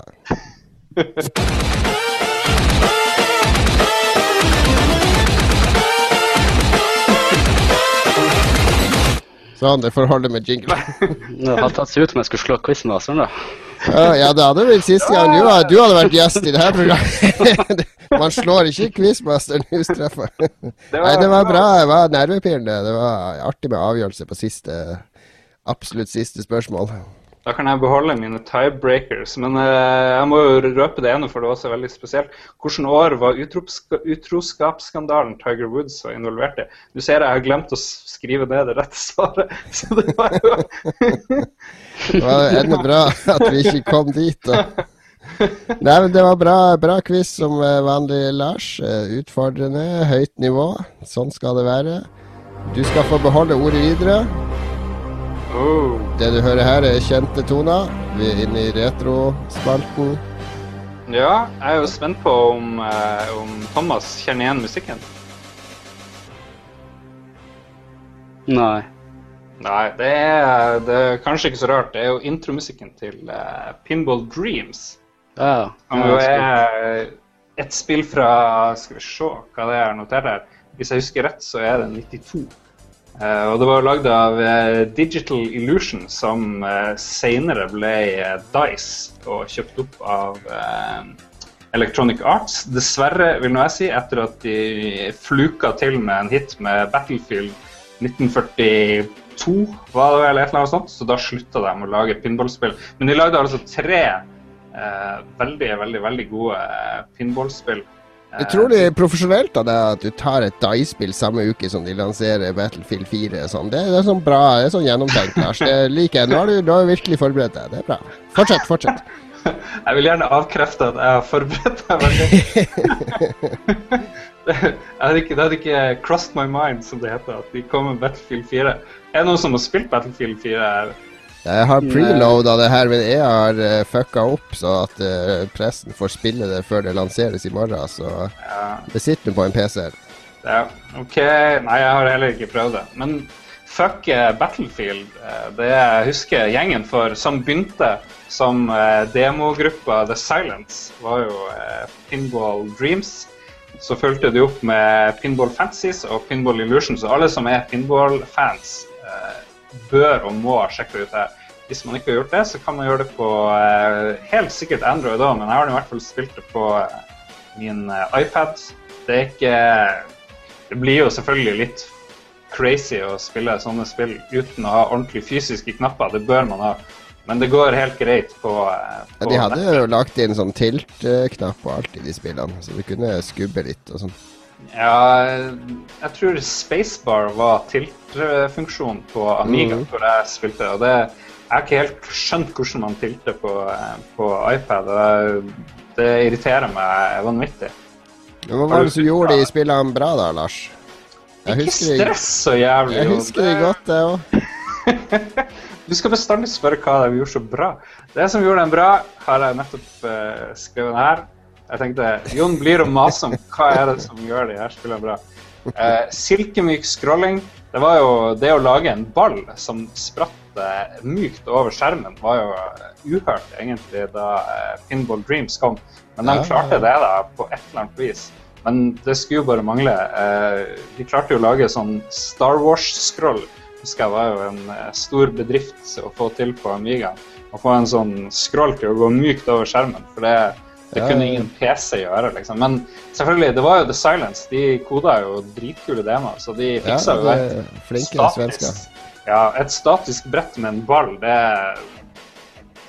Det er egentlig ikke så jævlig vanskelig, men det var tydeligvis vanskelig. Men de knakk koden, da, de her eh, gjengen som skulle gå over til å lage gørrkjedelige skytespill eh, på uendelige slagmarker. Uh, de har 64 spillere på slagmarkedet.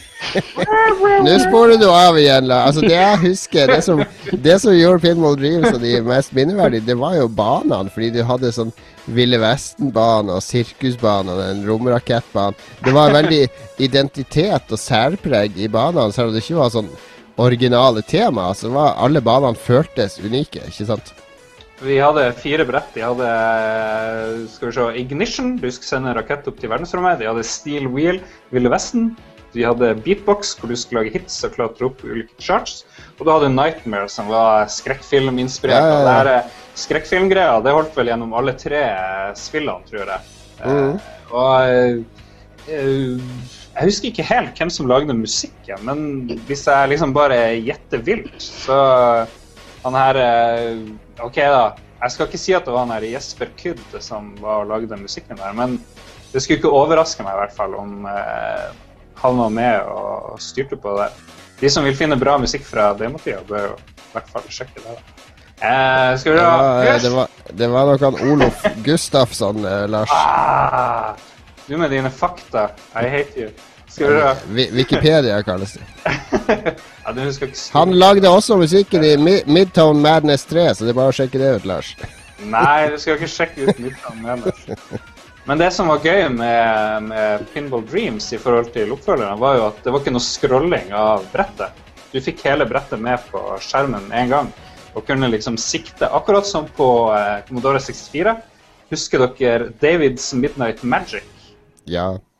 Det var jo den beste pinballgreia pinball-greia før pinball-serien kom. Nå vi eh, Nå avslører vi vår alder overfor gjesten her. Han var jo så vidt ute av bleia når de her eh, Ja, kanskje ikke så, så ille, men eh, Ja, jeg har spilt en god del timer uh, Windows 75 pinball, altså. Det opp gjennom tida. Jeg og en kompis satt ei hel helg og spilte bare det. Eh, når vi satt liksom, vi hadde med Vi skulle være på besøk hos han, og så skulle vi egentlig spille PlayStation, og så hadde den krasja, ødelagt.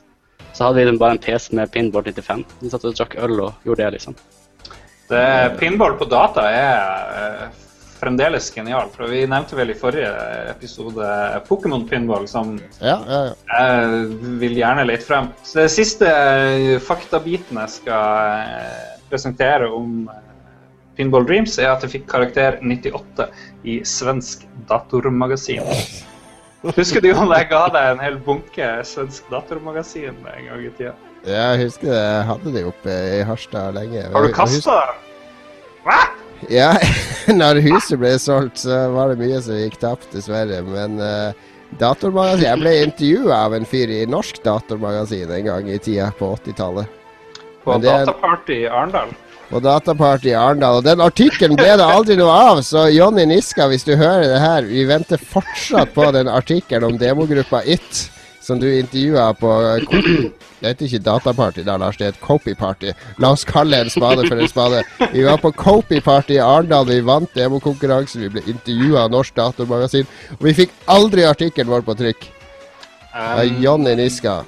Ja, og så må vi få med at moderne pinballspill suger fordi de er i 3D og zoomer inn overalt og altfor mye bullshit og har feil perspektiv. De er på skrå innover skjermen, og et ordentlig pinballspill skal være horisontalt, todimensjonalt, sånn at du får med deg alt som er der. Jeg gir nå faen i om du har masse lys innpå brettet. Det skal liksom gå an å treffe ting og sikte. Husk, eh, husk banneskjemaet du har fått fra dama di, Lars. Ja, det var det. Vi måtte banne mer, var det det? Mer eller mindre. Det nærmer seg i hvert fall uh, slutten på denne podkasten. Ble enda lenger enn forrige, tror jeg. Da måtte jeg downsize bitrate og sånn for å få plass, for å lov til å uploade den på, på uh, sida vår. Uh, men jeg tror vi er sånn cirka i mål. Vi hadde en veldig bra eh, nyhetsspalte i dag, takket være vår nyhetshund Thomas Heger. Han skal, Absolutt. han skal definitivt tilbake og jakte nyheter for oss. Har du hatt det fint, Thomas? Kjempefint. Er du, eh, var det vel anvendt halvannen-to timer når du kunne ha spilt noe nå når eh, de små Ja. er i seng? Jeg, skal, jeg skulle egentlig ta og se varme opp liksom eh, kveldens skrekkspilling med det her. Så eh, jeg tror kanskje jeg gjorde meg sjøl en tjeneste og heller delta på podkasten. Ja, det var i hvert fall utrolig hyggelig å ha deg med, Thomas. Eh, samme.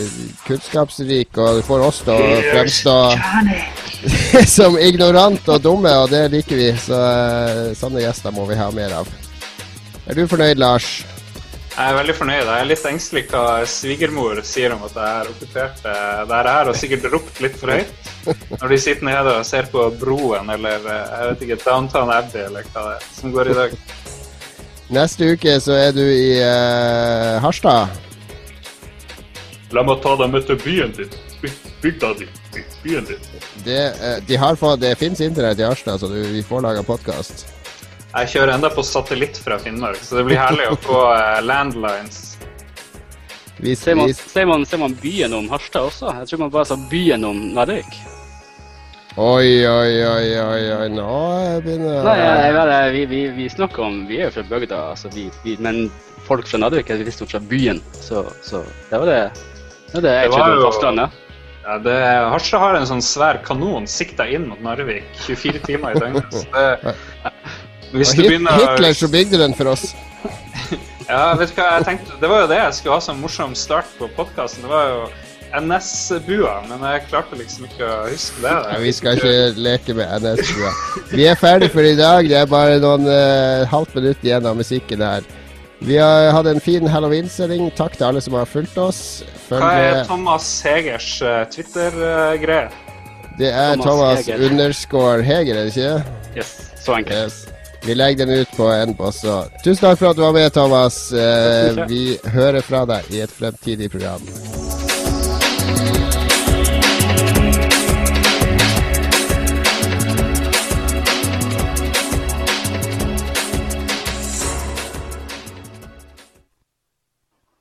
Har du et enkeltpersonforetak eller en liten bedrift? Da er du sikkert lei av å høre meg snakke om hvor enkelt det er med kvitteringer og bilag i fiken, så vi eh, gir oss her, vi. Fordi vi liker enkelt. Fiken superenkelt regnskap.